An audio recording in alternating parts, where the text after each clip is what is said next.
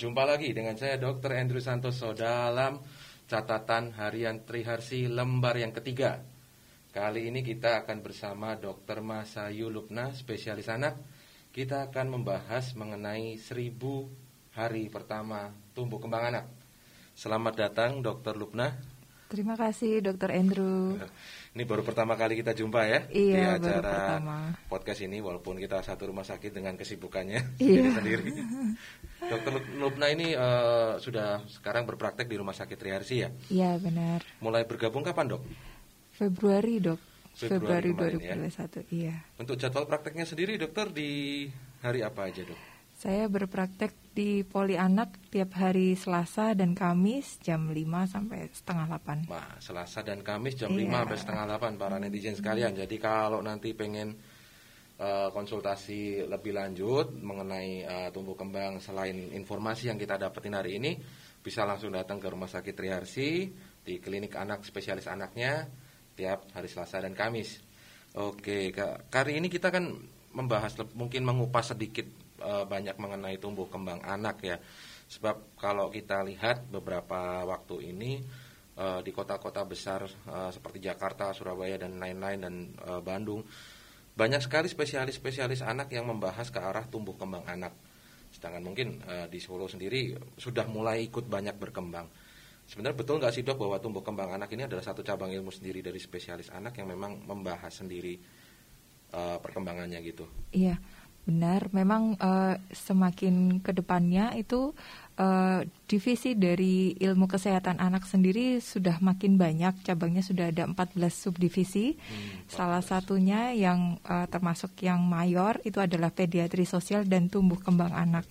Di mana eh, itu meliputi eh, evaluasi monitoring untuk tumbuh kembang anak serta pemberian imunisasi vaksinasi pada anak. Oh, jadi nggak cuma masalah gimana dia bersosialisasi, tapi sampai vaksinasi Iya. imunisasinya ada ilmunya sendiri ya iya, dok ya. iya. Bahkan Oh. pediatri sosial untuk kesehatan remaja juga masuk di tumbuh kembang anak. Nah, kalau kita ngomong remaja yang masih dianggap anak itu sampai umur berapa sih dok sebenarnya batasannya tuh? Iya, sesuai keputusan dari eh, SK Kemenkes itu usia anak itu 0 sampai 18 tahun. Oh, 18 Iya. tahun ya.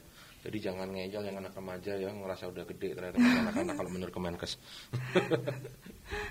Oke, nah eh, kalau kita mau ngomong mengenai tumbuh kembang sendiri, kita mau evaluasi, kita mau apa namanya, eh, kayak mau mengawasi, eh, selain evaluasi kita pengen mengontrol, meng- mengawal tumbuh kembangnya ini supaya baik, itu tuh sebenarnya dimulai dari sejak dalam kandungan atau mulai sudah sudah lahir baru kita eh, evaluasi dan kita kontrol maintain baik. Iya, benar sekali ini Dokter Andrew yang harus diluruskan pada kebanyakan orang Hmm. awam. Tumbuh kembang anak itu tidak hanya perlu di eh, evaluasi dan dimonitoring setelah anak lahir, tetapi kita mulai stimulasi itu sejak dalam kandungan. Karena seribu hari optimalisasi tumbuh kembang anak itu terhitung sejak masa janin dalam Hmm. kandungan.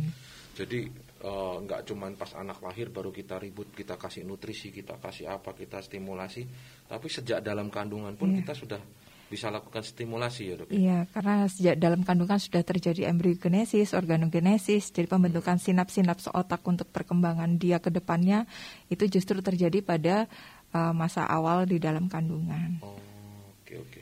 Nah, kiat-kiatnya apa sih dok kalau yang di pada masa kandungannya apa yang bisa kita lakukan nih untuk untuk untuk eh, menstimulasi tumbuh kembang ini tadi?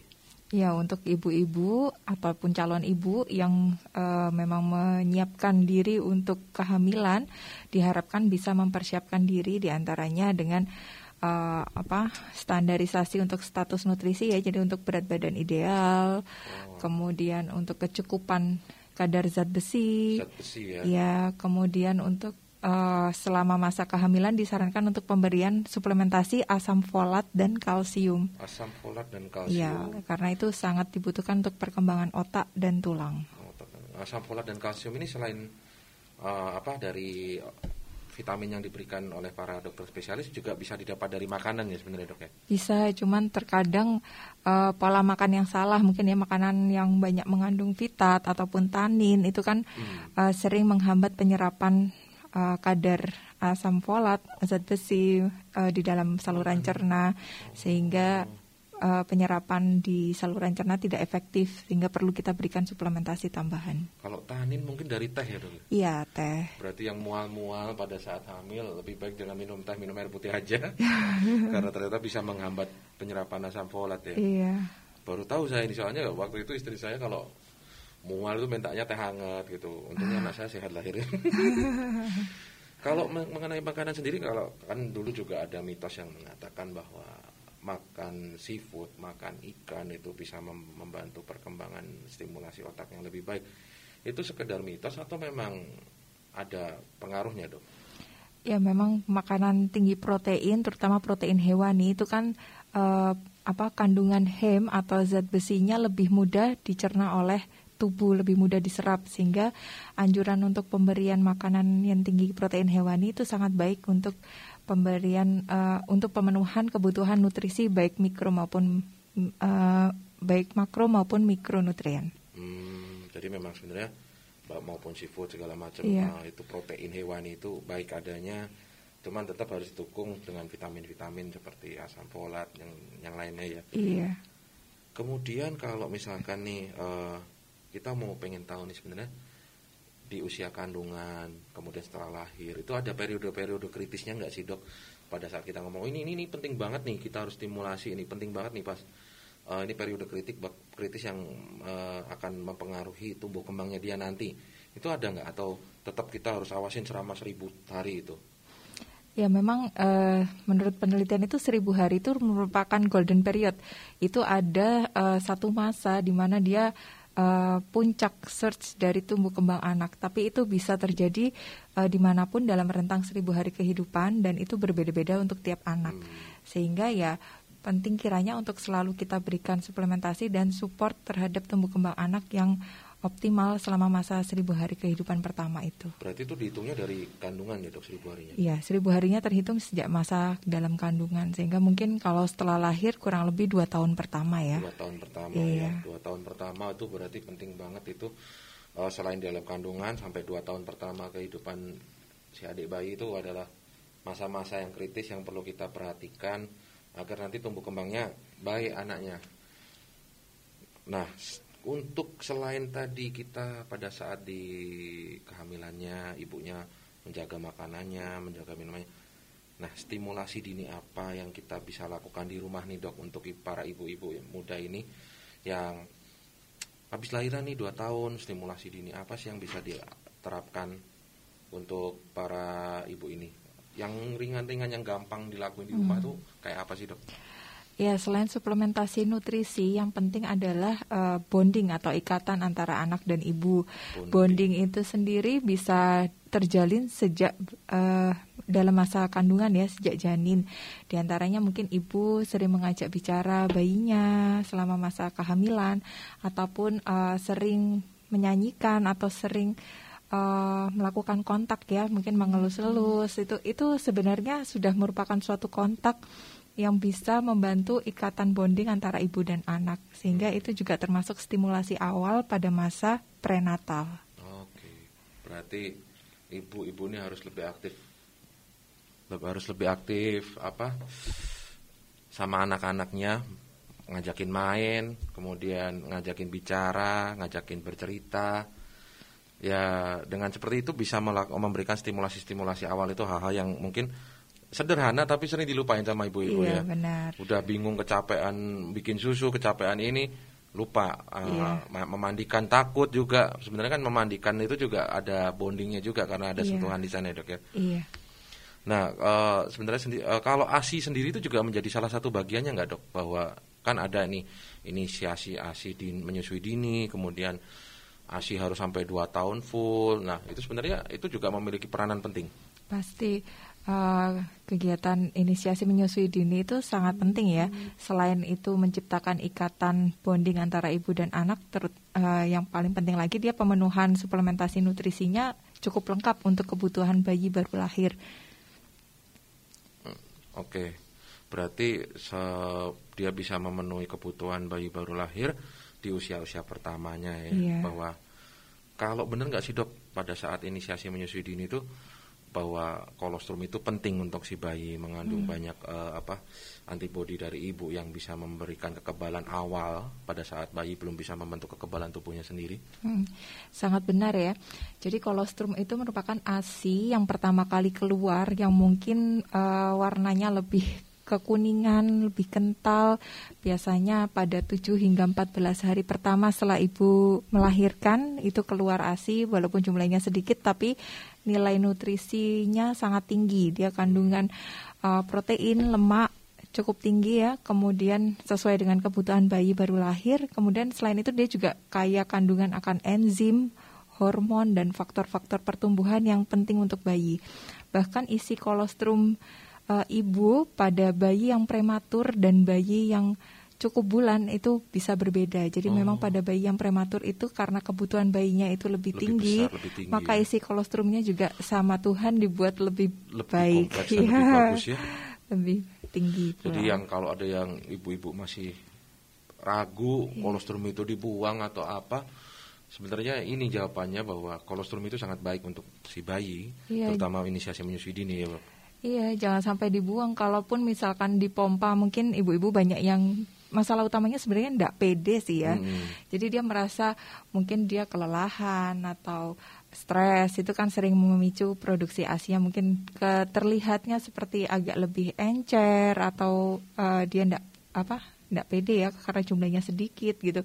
Terus dia oh segini nanti bayinya nggak kenyang oh. gitu. Udah eh, dibuang aja pakai susu aja nanti kalau sudah lancar baru diberikan justru salah untuk kolostrum ya, yang pertama kali keluar walaupun jumlahnya sedikit itu nutrisinya sangat tinggi dan sangat diperlukan bayi untuk eh, kesehatan eh, dia eh, ke jangka depannya. jangka ke depannya, Iya. ya. Jadi sebenarnya ASI sendiri pun s- memang kan kita udah tahu bahwa ASI itu memang baik untuk bayi eh, segala macamnya. Cuman sebenarnya terpengaruh nggak dengan pola makan ibu? Pola makan ibu yang seperti apa? Apakah akan mempengaruhi komposisi ASINya, Bu? Hmm. Komposisi ASI itu memang sudah dirancang oleh Yang Maha Kuasa sedemikian rupa sehingga pada setiap periode itu dia akan berubah. Jadi dari uh, fase kolostrum, kemudian nanti ada yang namanya fase transisi, kemudian setelah itu ada yang namanya periode ASI matur. Hmm. Nah, itu kandungan untuk protein dan lemak itu memang sudah disesuaikan dengan kebutuhan bayi pada saat uh, masa usia keluarnya ASI, ASI itu. tersebut. Oh. Ya. Jadi untuk makanan ibu sebenarnya ya uh, bisa mempengaruhi seperti uh, bahan-bahan alergen. Jadi beberapa uh, orang tua yang mungkin punya riwayat alergi uh, dengan konsumsi protein hewani tertentu atau uh, protein dari susu sapi itu bahan alergennya bisa ikut keluar pula di dalam ASI. Jadi kalau pada bayinya itu ternyata uh, ada genetik uh, menurun bakat alerginya mungkin bisa timbul manifestasi Manifestasi. seperti Oh, itu. iya. Sebenarnya kalau untuk yang lain uh, makanan dari ibu itu uh, cenderung sebagai suplementasi, jadi uh, hanya apa untuk memperlancar jumlah pengeluaran ASI secara kuantitatif dengan makanan yang banyak otomatis produksi ASI akan semakin melimpah. Hmm, jadi lebih ke arah produksinya ya. Iya, lebih ke arah produksinya. Berarti Tuhan itu segitu ajaibnya nyiptain udah diprogram tubuh kita nanti Iya. tanggal segini jadi gini, tanggal segini jadi gini. Iya. Kita tinggal makan aja ntar produksi sendiri. Iya. Oke. Nah, eh, kita juga mengenal adanya MPASI, Dok. Iya. Ya itu biasanya masuknya kapan sih, Dok itu? Ma- ma- makanan pendamping ASI itu. Ya, memang ada sedikit perubahan ya. Dulu eh, WHO merekomendasikan pada tahun 2001 itu eh, untuk pemberian MPASI bisa dimulai pada usia 4 sampai 6 bulan tergantung kesiapan bayi. Tapi eh, setelah adanya beberapa penelitian yang terakhir ini ternyata terbukti bahwa pemberian M- eh, makanan pendamping ASI yang terlalu dini justru eh, lebih banyak eh, menyebabkan bayi kekurangan nutrisi sehingga disarankan memang pemberian yang optimal itu diberikan setelah bayi menunjukkan kesiapan penerimaan terhadap makanan padat dan kebutuhan terhadap eh, suplementasi asinya sudah mulai berkurang tepatnya pada usia 6 bulan. 6 bulan. ya. Iya, jadi memang disarankan pemberian ASI secara eksklusif selama enam bulan baru setelah bayi sudah rata-rata sudah menunjukkan kesiapan kematangan Kematangan. dari fungsi organ menerima makanan padat baik itu organ pencernaan, organ uh, apa sistem saraf sehingga uh, bisa dimulai pemberian makanan padat. Hmm, oke oke oke. Berarti uh, mulai enam bulan segala macam itu udah mulai bisa kita bertahap ya. Ya, yang secara halus, bertahap. Disaring dulu halus kemudian padat. Kalau Iya, dulu kan benar. saya tahunya ASI dua tahun full baru bisa kita dampingin setelah satu tahun gitu-gitu. Ternyata Iya. sekarang terjadi perubahan ya. Iya. Oke. Berarti ilmu-ilmu baru ini banyak berkembang. Saya ketinggalan jauh ini berarti. Untuk tumbuh kembang. Soalnya anaknya udah enam tahun kan belum nambah lagi saya. Nah, eh, yang perlu kita identifikasi selanjutnya, saya yang saya pengen tanyakan adalah identifikasi awal gagal tumbuh kembang ini seperti apa sih dok? Agar kita kan ada yang kita nggak tahu nih anaknya tahu-tahu autis, udah kelewat setahun dua tahun tak penanganannya telat, kemudian gagal tumbuh. Eh, identifikasi yang kita ngerti, oh ini anak gagal tumbuh kembang, kita harus bantu, kita harus eh, ada perlakuan ekstra itu seperti apa sih dok? Ya, untuk tumbuh kembang ini kan memang biasanya kita bedakan ya antara tumbuh atau growth dengan kem- perkembangan atau developmentnya itu sendiri. Kalau tumbuh itu eh, cenderung dengan parameter pengukuran secara kuantitatif, baik itu pertambahan berat, pertambahan panjang, kemudian eh, maturasi fisik seperti itu. Sedangkan untuk perkembangan dia lebih ke arah personal sosial, kemampuan motorik, baik itu motorik kasar, halus, eh, kemudian kemampuan bahasa, kemudian personal sosial untuk kontak dengan lingkungan seperti itu. Nah, untuk identifikasi perkembangan itu biasanya kita mulai memang sejak bayi lahir ya. Jadi memang ada tahapan-tahapan yang eh, dikenal dengan istilah tahapan milestone. Jadi eh, ada eh, milestone yang sudah membuat patokan eh, perkembangan anak mulai dari usia 0 hingga 24 bulan yang bisa jadi parameter kapan kapan kita harus melakukan intervensi itu ada istilahnya eh, kalau dia sudah di usia yang di batas merah atau red flag Mm-mm. dan dia belum mampu melakukan uh, perintah untuk perkembangan sesuai usianya, maka kita perlu untuk melakukan intervensi-intervensi tertentu untuk bisa menstimulasi percepatan perkembangan. Itu Iya. termasuk kayak yang mulai umur berapa dia bisa tengkurap, Iya, mulai umur iya. berapa dia bisa tengada. Itu Kita kan bisa identifikasi 0 dari sampai situ ya 0 sampai 4 bulan uh, bisa berguling seperti itu tengkurap.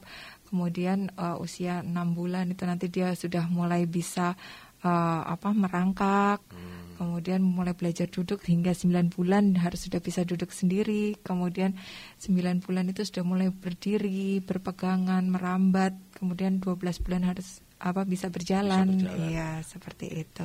Jadi buat para, para warganet sekalian kita tahu kan sekarang bahwa eh, kita bisa kok identifikasi sendiri dari awal eh, sebelum terlambat eh, penanganannya. Jadi kita bisa lihat banyak kok di internet juga eh, langkah-langkah atau step milestone-nya itu ngapain aja 0 sampai sekian bulan bisa ngapain bisa kapan bisa merangkak kapan. Nah pada saat itu sudah nggak nggak sesuai nggak ada salahnya. Nggak perlu takut datang ke rumah sakit Triharsi ketemu sama dokter Lubna konsultasi lebih lanjut mau diapain nih kita mau ngapain nih selanjutnya langkahnya tata laksananya mau gimana lagi. Nah nanti akan dibantu dengan dokter Lubna dan juga dari rumah sakit Triharsi nanti juga ada timnya lagi yang bareng-bareng sama dokter Lubna nanti akan eh, memberikan solusi kepada permasalahan Anda. Nah, pada saat ini udah mulai teenagers nih. Nggak usah teenagers deh dok. Anak saya SD sekarang aja tuh udah suka ngelawan kan. Baru umur 6-7 tahun. Nah, pola asuh seperti apa nih? Dari segi psikososialnya yang bisa kita terapkan. Kalau kita terlalu otoriter juga dia banyak ngebohong nanti. Kita terlalu longgar juga dia terlalu agak bingung nih saya jadi orang tua kalau dari sisi nanti tumbuh kembangnya kalau kita yang terlalu keras ngajar dia juga nggak baik. Kita terlalu longgar juga informasi di luar kita nggak bisa bendung dia belum bisa memutuskan mana yang baik. Sebenarnya mesti gimana sih dok kalau kita ngan- nanganin anak-anak usia 7 sampai 15 tahun ini? Hmm.